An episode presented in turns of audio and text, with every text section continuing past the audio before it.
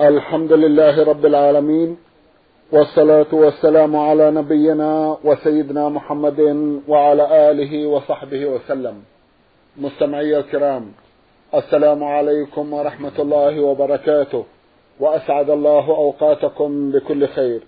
هذه حلقة جديدة مع رسائلكم في برنامج نور على الدرب. رسائلكم في هذه الحلقة نعرضها على سماحة الشيخ عبد العزيز ابن عبد الله بن باز. الرئيس العام لإدارات البحوث العلمية والإفتاء والدعوة والإرشاد. مع مطلع هذه الحلقة نرحب بسماحة الشيخ ونشكر له تفضله بإجابة سادة المستمعين. فأهلا وسهلا بالشيخ عبد العزيز. حياكم الله وبارك فيكم. حياكم الله.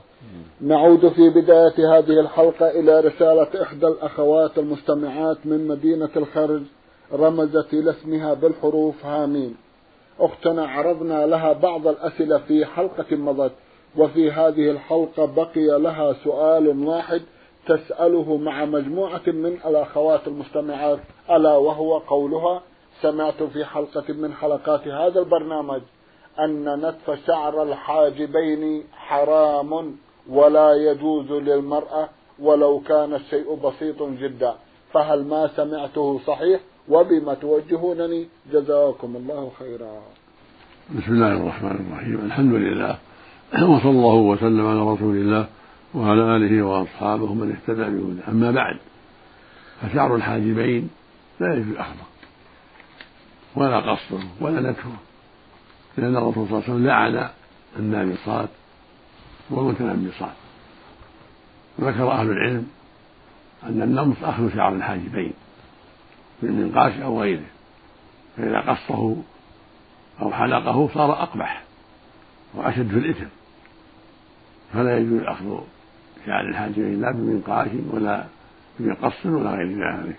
لأن الرسول لعن من فعل ذلك عليه الصلاة والسلام. فالواجب عليك وعلى غيرك من أخواتك في الله الحذر من ذلك. وطاعة الرسول صلى الله عليه وسلم فيما أمر به وطاعته فيما نهى عنه. عليه الصلاة والسلام. لأن الله بعثه لنا هاديا وبشيرا ونذيرا عليه الصلاة والسلام. والله يقول سبحانه وما آتاكم الرسول خذوه وما نهاكم عنه فانتهوا.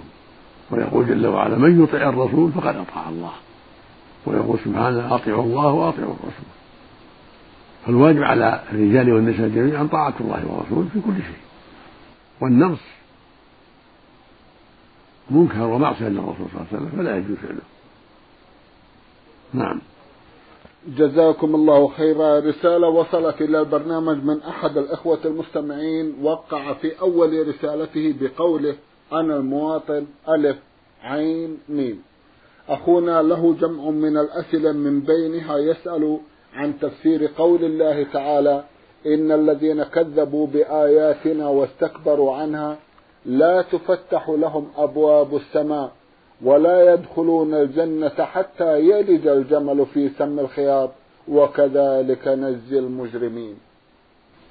على ظاهرها من كذب بآيات الله واستكبر عن اتباع الحق هكذا شأنه. لا ترفع روحه إلى السماء بل ترد إلى الأرض وإلى جسده حتى يمتحن ويختبر ويعاقب في قبره ثم تنقل إلى النار نسأل الله العافية. كما قال تعالى في آل فرعون النار يعرضون عليها يعني على النار غدوا وعشيا ويوم تقوم الساعة أدخلوا آل فرعون شد العذاب وهكذا غيرهم. من استكبر عن الحق ولم يتبع الهدى لا تفتح له أبواب السماء ولا تصعد تروح إلى السماء ولا إلى الله عز وجل بل ترد إلى جسد جسدها الخبيث. وتعاقب في قبرها مع عقوبة النار يوم القيامة نسأل الله العافية. وكذلك لا يدخل الجنة أبدا. ولهذا بين سبحانه أنها لا أنه لا يدخل الجنة حتى يلج الجمل في سم الخياط. ومعلوم أن الجمل لا يلج في سم الخياط. سم الخياط يعني خرق الإبرة. والمقصود أن هذا مستحيل أن يدخل الجنة. كما أن دخول الجمل في سم خيار مستحيل فهكذا دخولهم الجنة لكفرهم وضلالهم. مستحيل دخولهم الجنة بل هم إلى النار أبد الآباد نسأل الله العافية. نعم. جزاكم الله خيرا. يسأل سماحة الشيخ يقول هل يستوي حافظ القرآن الكريم؟ ومن لم يحفظ القرآن الكريم لكنه يقرأ؟ هل يستوون في الأجر؟ لا يستوون. لا يستوون. لا يستوون. أعيد السؤال. يقول هل يستوي حافظ القرآن الكريم وقارئه في نفس اللحظة ولكنه لا يحفظ القرآن الكريم؟ هل يستوون في الأجر؟ الأجر على القراءة مو مجرد الحفظ. إذا حفظه ولم يقرأه ولم يتدبره ما, ما يستفيد. مم. المقصود من الحفظ أن يقرأ ويتدبر. لكن إذا الذي يحفظه ويقرأه أفضل من الذي لا يحفظه. أما إنسان يقرأه ويتدبر المصحف والآخر يحفظه ولا يتدبره ولا يقرأه فالذي يقرأه من المصحف أفضل لأنه استفاد قرأ وتدبر واستفاد. أما ذاك الذي يحفظ ولا يقرأ ولا يتدبر ما حصل به المقصود ما حصل به المقصود نعم. لكن إذا حفظه وتدبره كان له مزية الحفظ فيكون أفضل بحفظه كتاب الله مع تدبره والإكثار من تلاوته. فكل من كان أكثر تلاوة وتدبرا فهو أفضل سواء كان يحفظ أو لا يحفظ. كل من كان أكثر تلاوة وتدبرا وعقلا وتعقلا وعملا كان أفضل من صاحبه. جزاكم الله خيرا. إذا من يقرأ ويحفظ له أجران أجر الحفظ وأجر القراءة. نعم نعم. الله أكبر نعم. الله أكبر. نعم. جزاكم الله نعم. خيرا. يقول إنني حفظت القرآن الكريم والحمد لله في سنتين وكانت متتالية يعني طوال اليوم وطول السنتين. ما فارقت القرآن يوما واحدا. هل هذه المدة كافية أم أنني است... يقول أعرفكم بأنني حفظت القرآن في سنتين فقط وكانت متتالية يعني طوال اليوم وطوال السنتين. ما فارقت القرآن يوما واحدا. هل هذه المدة كافية جزاكم الله خيرا. إلا أنني ألاحظ أنني كثير النسيان فبماذا تنصحونني؟ حفظ القرآن مطلوب مشروع. وإذا تيسر له حفظه في وقت قصير كان من نعم الله العظيمة فالحاصل أنه يشرع له أن يتعاطى حفظ القرآن حسب التيسير بشرط لا يعطله عن واجب. ولا يقع في المحرم. لا بد أن يكون حفظ القرآن مع مراعاة ما يجب عليه وما يحرم عليه. فيحفظ القرآن في الأوقات المناسبة ولا يعطله عن صلاة الجماعة الصلاة في المسجد مع الجماعة ولا يعطله عن كسب الحلال الذي يقوم بحاله وحال أهل بيته ولا يوقعه في الحرام من فعل ما حرم الله عليه من أجل حفظ القرآن مثلا بأن يتعاطى ما حرم الله عليه لي- ليحفظ القرآن إما بتعاطي ما يضره من سهر حتى يضيع ما أوجب الله عليه نعم. أو تعاطي أشياء بزعمه أنها تعين على الحفظ ولكنها محرمة. من حبوب محرمة. أو شراب محرم أو غير ذلك. لا بد يراعي فعل ما ما وجب الله وترك ما حرم الله. جزاكم مع مع عناية بحفظ القرآن الكريم. نعم. وإذا نسي لا يضره. لكن يجتهد ألا ينسى يتعاهده كما أمره النبي صلى الله عليه وسلم يقول تعاهدوا هذا القرآن. هو الذي نفسي بيده إنه لا أشد تفلتا من الإبل في عقلها فالمؤمن يتعاهده ويحرص على حفظه ولكن لا يشق على نفسه ولا يتعاطى عملا يضيع عليه الواجبات أو يوقعه في المحرمات. بل يتحفظ في الأوقات المناسبة مع قيامه بما أوجب الله من صلاه بالجماعه من اداء من اداء من أداء حقوق أهله وأولاده من كسب الحلال من غير هذا مما يلزمه. نعم. جزاكم الله خيرا. يقول إنني تابعت أحد القراء في إذاعة القرآن الكريم وصححت قراءتي كما سمعته فهل ما فعلته صحيح؟ كل هذا طيب. متابعة القراء الطيبين والإستفادة من قراءتهم هذا طيب. جزاكم الله خيرا. ننتقل بعد هذا إلى رسالة وصلت إلى البرنامج من إحدى الأخوات المستمعات تسأل فيها جمعا من الأسئلة تقول في أحدها هل سجود السهو قبل التسليم أم بعده؟ وإن كان قبله كما أعلم فهل يقرأ بعده شيئا من التشهد أو يسلم مباشرة؟ السجود سجود التلاوة سجود السهو تارة كذا وتارة كذا. الأفضل أن يكون قبل السلام ولا ولا يقرأ بعد الشيء ينهي التشهد والدعاء. إذا كمل سجد للسهو سجدتين قبل أن يسلم. هذا في أغلب السهو. ويشرع أن يكون السجود بعد السلام في حالين. إحداهما إذا سلم عن نقص. سلم عن نقص ركعتين ثم نبهوه يكمل ثم يسلم ثم يكون سجوده بعد السلام. هذا أفضل. وإن سجد قبل السلام فلا بأس. والحال الثاني إذا بنى على غالب ظنه يعني, كمل الصلاة على غالب ظنه فإنه يثبت السهو بعد السلام. حصل عند بعض شك هل صلاته ناقصة أو كاملة؟ وغلب على ظنه أنها كاملة ما نقص منها شيئا فإن هذا هذه الغلبة توجب على سجود السهو لكن يكون بعد السلام أفضل. لأنه ورد في حديث مسعود في من في من سهى قال النبي صلى الله عليه وسلم فليتحرى الصواب. فليتم عليه ثم ليسلم ثم يسجد سجدتين. ولما سهى وسلم من من ركعتين صلى الله عليه وسلم ونبهه الناس كمل صلاته ثم سلم ثم سجد السهو بعد ذلك. وفي واقعات أخرى سلم من ثلاث فنبه فكمل صلاته ثم سجد بعد ذلك عليه الصلاة والسلام. اللهم صل وسلم عليه.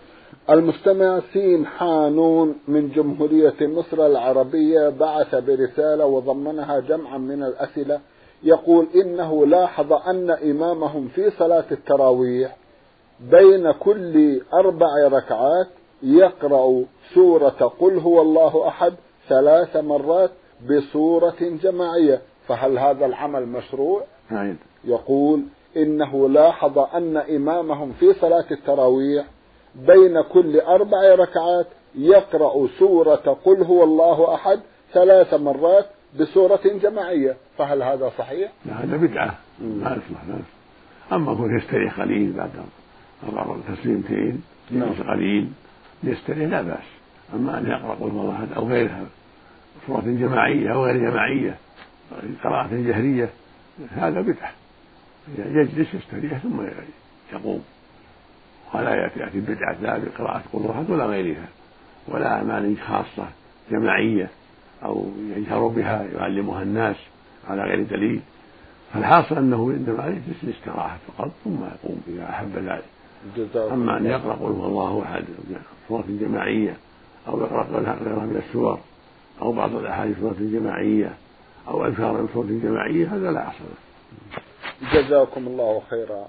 هل أخذ ما بين الحاجبين بالنسبة للمرأة والرجل جائز أو لا؟ ما أعلم فيه شيئا لأن ليس من الحاجب. ما بين الحاجب ليس من الحاجب. فالأقرب والله أعلم لا حرج فيه لأن ليس من الحاجبين. نعم. وهو فاصل بينهما. نعم. يقول أعلم أن الأرض لا تأكل أجساد الأنبياء فهل ينطبق ذلك على أولياء الله الصالحين؟ وإن كان كذلك فهل هناك أحد حصل له شيء من هذا؟ هذا حديث جاءت في أجسام الأنبياء عليهم الصلاة والسلام. يقول صلى الله عليه وسلم الله حرم الأرض أن تأكل أجساد الأنبياء. حرم الأرض أن تأكل أجساد الأنبياء. أما غيرهم فليس بذلك. قد تأكل أجسامهم وقد لا تأكل. قد شاهد الناس في كثير من البلدان عند بعض الأسباب أجساما لم تأكلها الأرض مما يظن فيهم الصلاح ولكن لا يدرى هل تأكلها بعد ذلك أم لا. المقصود أن هذا ليس بلازم قد تأكلها وقد لا تأكلها وليس في هذا نص. إنما جاء النص في أجسام الأنبياء فقط. وأما غيرهم فقد تطول المدة عليهم لم تؤكل أجسامهم قد تأكلها الأرض. وهذه الصحيح أن الأرض تأكل من جسم ابن آدم إلا عجب الذنب وأنه لا يبقى من جسم جسم ابن آدم إلا عجب الذنب وهو العظم الذي في أسفل المقعدة. نعم. هذا يبقى. ومنه يركب ابن آدم. فمقتضى هذا الحديث أن الأجسام توكل في المستقبل. ولو طالت المدة عليها باقية فمصيرها إلى أن تفنى وتزول. إلا ما جاء في حديث في أجسام الأنبياء عليهم الصلاة والسلام. جزاكم. الله خيرا. يقول يوجد لدينا أشخاص يقال عنهم أناس صالحين. يزورهم الناس في بيوتهم للتعرف على أشياء معينة مثل أن يذهب إليه الشخص فيقول له أنت ناجح في دراستك.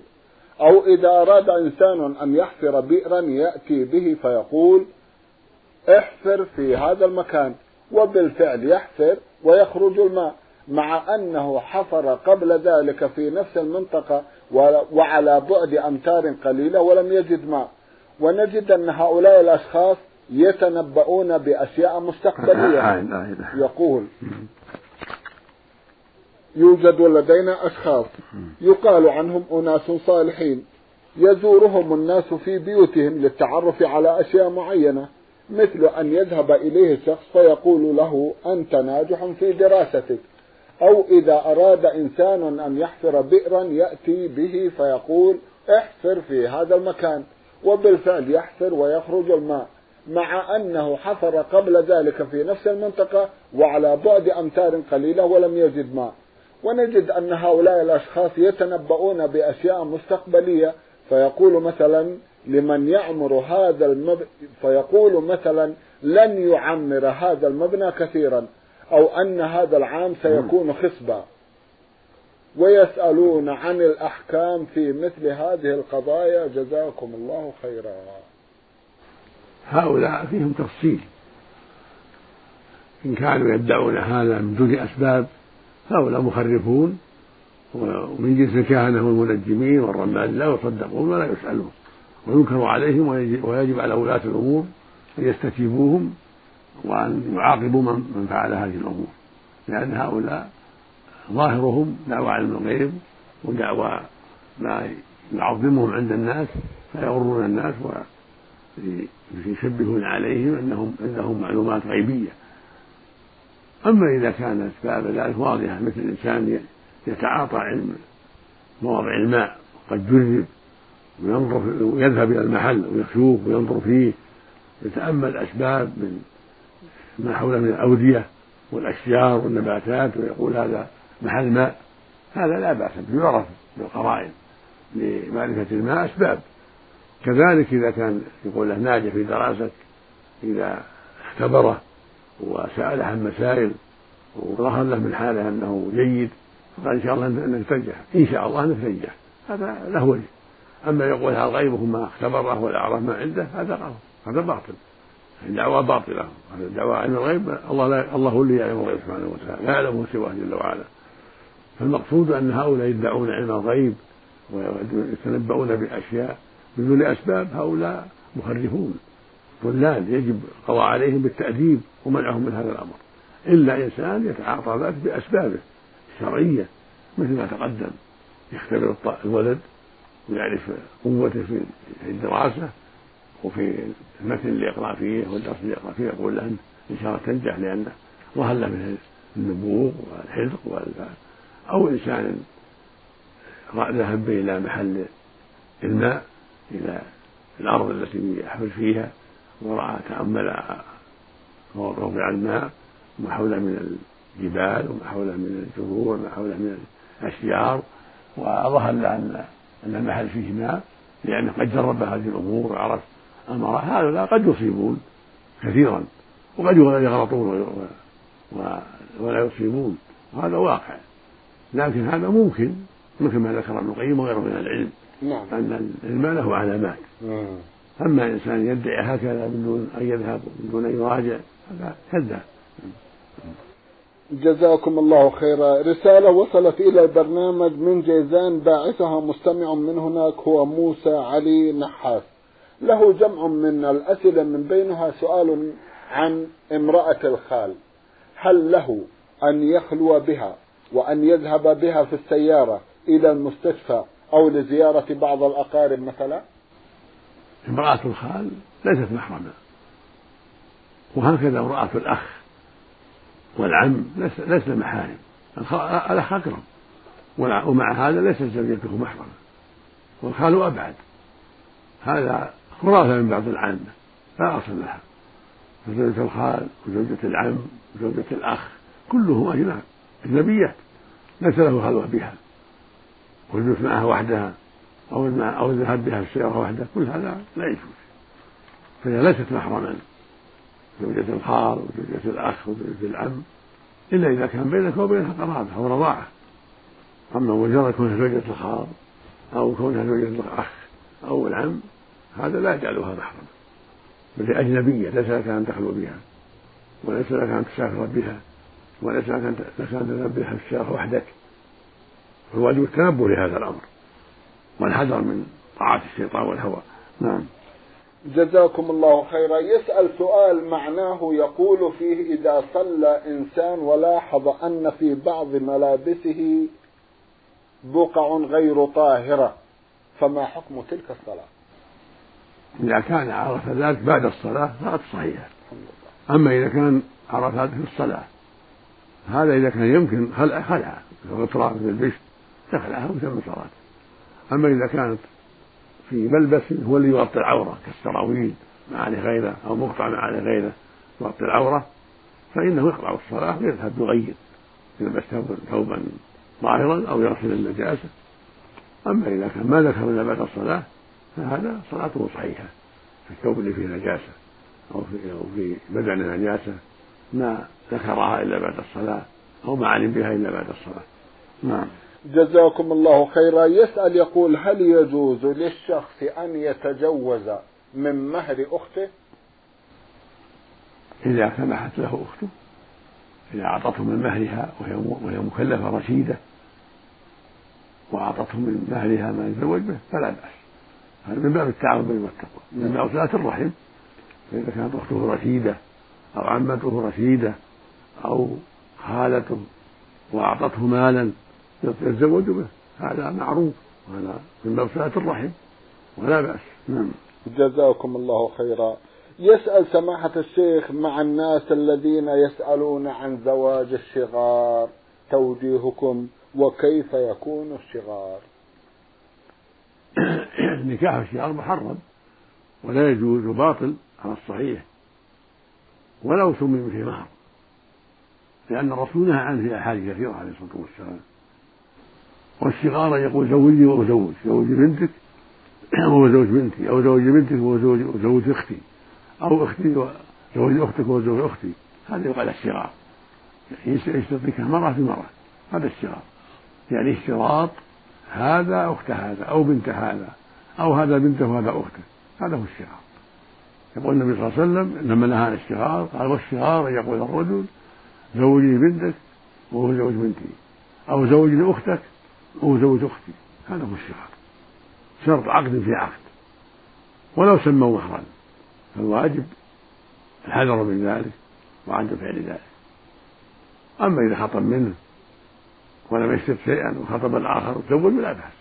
خطب بنته والآخر خطب بنته أو أخته تزوجوا من دون مشارطة هذا لا بأس. لا حرج أما بالمشارطة هذا لا يجوز. جزاكم الله خيرا. يقول إن والدته لا تحفظ شيئا من القرآن ولا تحفظ التشهد ولا تحفظ شيئا من الأدعية. حاول تحفيظها شيئا من ذلك لكنها لم تستطع ويسأل عن حكم صلاتها. جزاكم الله خيرا. فاتقوا الله ما استطعتم عليها أن تتعلم الفاتحة تعلم ما يجب عليها في صلاتها. وإذا لم تعرف الفاتحة تقول سبحان الله والحمد لله ولا إله إلا الله والله أكبر ولا حول ولا قوة إلا بالله. هكذا أمر النبي صلى الله عليه وسلم من لا يستطيع الفاتحة أن يسبح ويهلل لكن مع مع العناية بها وتوجيهها خير لعلها إن شاء الله تحفظ. فالمقصود في الوقت الحاضر في كل وقت لا تحفظون فيه الفاتحة. سبحوا الله وتهللوا وتكبروا يكفي حتى تتعلم. يجب عليها أن تتعلم. كل إنسان يجب عليه يتعلم. كل امرأة يجب أن تتعلم. من أخيها من زوجها من معلمة تعلمها. لابد يجب في الصبر والعناية وعدم التساهل. لا في حق الرجل ولا في حق المرأة. وأقل شيء فاتحة الكتاب. لا عذر فيها. الحمد لله رب العالمين. لا بد من تعلمها لأنها ركن الصلاة. لكن لو جاء الوقت ولم تعرف المرأة هذه السورة هو الرجل فإنه يقول سبحان الله والحمد لله ولا إله إلا الله أكبر ولا حول ولا قوة يكفي ويركع حتى يمن الله عليه بالتعليم بعد ذلك. وعلى أبي الولد أبي البنت وعلى أخيها وعلى جدها تعاون في هذا. المرأة لابد من تعليمها كالرجل أيضا. قد يوجد بعض الرجال البادية وأشباه البادية من يحتاج إلى ذلك. فالواجب التعلم وعلى أبيه إلزامه وعلى أخيه الكبير إلزامه وهكذا. وهكذا البنت يجب على أمها أن تفهمها وعلى أخيها وعلى أبيها. لا بد التعاون بالبر والتقوى ولا بد الصدق في ذلك والجد في ذلك. جزاكم الله خيرا. الرسالة التالية وصلت إلى البرنامج من الأمارات العربية المتحدة أبو ظبي وباعثها المستمع أحمد سالم الحامد. الأخ أحمد له جمع من الأسئلة في أحدها يقول إذا دخلت المسجد وجماعة يصلون العصر وأنا لم أصلي الظهر بعد فهل أدخل مع الجماعة بنية الظهر أم أصلي منفردا الظهر ثم ألحق بالجماعة؟ جزاكم الله خيرا. الأرجح أن تصلي معهم بنية الظهر هذا هو الصواب ثم تصلي العصر بعد ذلك. ولا يضر خلاف النية. فتدخل معهم وتصلي معهم الظهر بنية الظهر وإذا فرغت تصلي العصر بعدك أو مع من تيسر من الجماعة الأخرى. هذا هو الصواب. نعم. جزاكم الله خيرا. كذلك في رمضان إذا دخلت المسجد والجماعة يصلون التراويح وأنا لم أصلي العشاء. هل أنضم معهم أو أصلي منفردا؟ إن صليت منفردا فلا بأس. وإن صليت معهم بنية الفريضة فإذا سلم وتممت صلاتك فلا بأس. كله طيب. جزاكم الله خيرا. يقول نعلم أن كفارة الظهار عتق رقبة أو صيام شهرين متتابعين أو إطعام ستين مسكينا. والله عز وجل يقول في آخر الآية من قبل أن يتماسا إذا حصل المساس قبل الكفارة فما الحكم؟ تلزم الكفارة. تلزم الكفارة. نعم. وتتعين بعد ما طئها تتعين. أما قبل ذلك غير متعينة متى عزم أتى بها وإن طلقها قبل أن يأتي بها فلا عليه شيء أو ماتت. لكن إذا وطئها لزمت الكفارة وهي مرتبة من المخيرة أول عتق فإن عجز يصوم شهرين متتابعين فإن عجز يطعم ستين مسكين قبل أن يمسها على الترتيب كما رتبها الله سبحانه وتعالى. أول العتق إذا تيسر فإن عجز صوم شهرين متتابعين ستين يوما فإن عجز أطعم ستين مسكينا ثلاثين صاع. كل فقير له نصف الصاع قبل أن يمسها. فإذا وطئ استعجل وطئها وجبت عليه كفارة وعليه التوبة إلى الله من ذلك. لأنه استعجل فعليه التوبة والندم خوفا من الله سبحانه وتعالى وتعظيما له وتعينت عليه الكفارة حينئذ إن كان مستطيعا أعتق وإن كان لا يستطيع صام شهرين تابعين ستين يوما فإن عجز أطعم ستين مسكينا. حتى ولو ماتت حتى ولو طلقها. جزاكم الله خيرا. ما حكم من يستهزئ بالمؤمنين المتمسكين بالسنة وخاصة موضوع اللحية وكذلك أولئك الذين يرفعون الثوب فوق الكعبين. يقول ما حكم من يستهزئ بالمؤمنين المتمسكين بالسنة بالسنة وخاصة موضوع اللحية؟ ويقول أيضا أولئك الذين يرفعون الثوب إلى أعلى الكعبين. الاستهزاء من أقبح الكبائر ومن أقبح الشرور لا يجوز الاستهزاء بالمسلم فيما فعله من الشرع. وإذا استهزأ بالدين قصده أن هذا الشرع ليس بشيء أو أنه هزء صار كافرا نعوذ بالله. يقول الله جل وعلا قل أبي الله وآياته ورسوله كنتم تستهزئون؟ لا تعتذروا قد كفرتم بعد إيمانكم. فالاستهزاء بالصلاة أو باللحاء أو بالمسلمين أو بالصيام أو بالحج؟ يكون كفر ردة عن الإسلام يعني قصده الاستهزاء بالشرع. أما إذا كان قصده الإنسان نفسه وليس قصده اللحية بل الاستهزاء في مشيته أو سوء تصرفه هذا لا يجوز. لكن ما يكون كفرا. أما إذا كان قصده استنكار اللحية واستقباح عمله أو استقباح الإسبال هذا كفر لأن الاستهزاء بالشرع. فالواجب الحذر من هذا الأمر العظيم. لأنه خطير يجب الحذر منه. فلا يجوز الاستهزاء بشيء من الشرع لا باللحاء ولا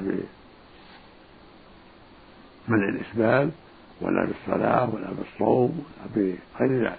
يجب على المؤمن أن يخضع لشرع الله وأن يؤمن به وأن يعظمه وأن لا يستهزئ به. نعم. نسأل الله العافية. اللهم آمين. جزاكم الله خيرا. سماحة الشيخ في ختام هذا اللقاء أتوجه لكم بالشكر الجزيل بعد شكر الله سبحانه وتعالى على تفضلكم بإجابة السادة المستمعين. وآمل أن يتجدد اللقاء وأنتم على خير. نسأل الله مستمعي الكرام كان لقاؤنا في هذه الحلقة مع سماحة الشيخ عبد العزيز ابن عبد الله بن باز الرئيس العام لإدارات البحوث العلمية والإفتاء. والدعوة والإرشاد. في ختام هذه الحلقة نتوجه لسماحته بالشكر الجزيل ونرجو أن نلتقي في حلقات قادمة وهو على أحسن حال. اللهم آمين. مستمعي الكرام وإلى أن يحين ذلكم اللقاء نستودعكم الله وسلام الله عليكم ورحمته وبركاته.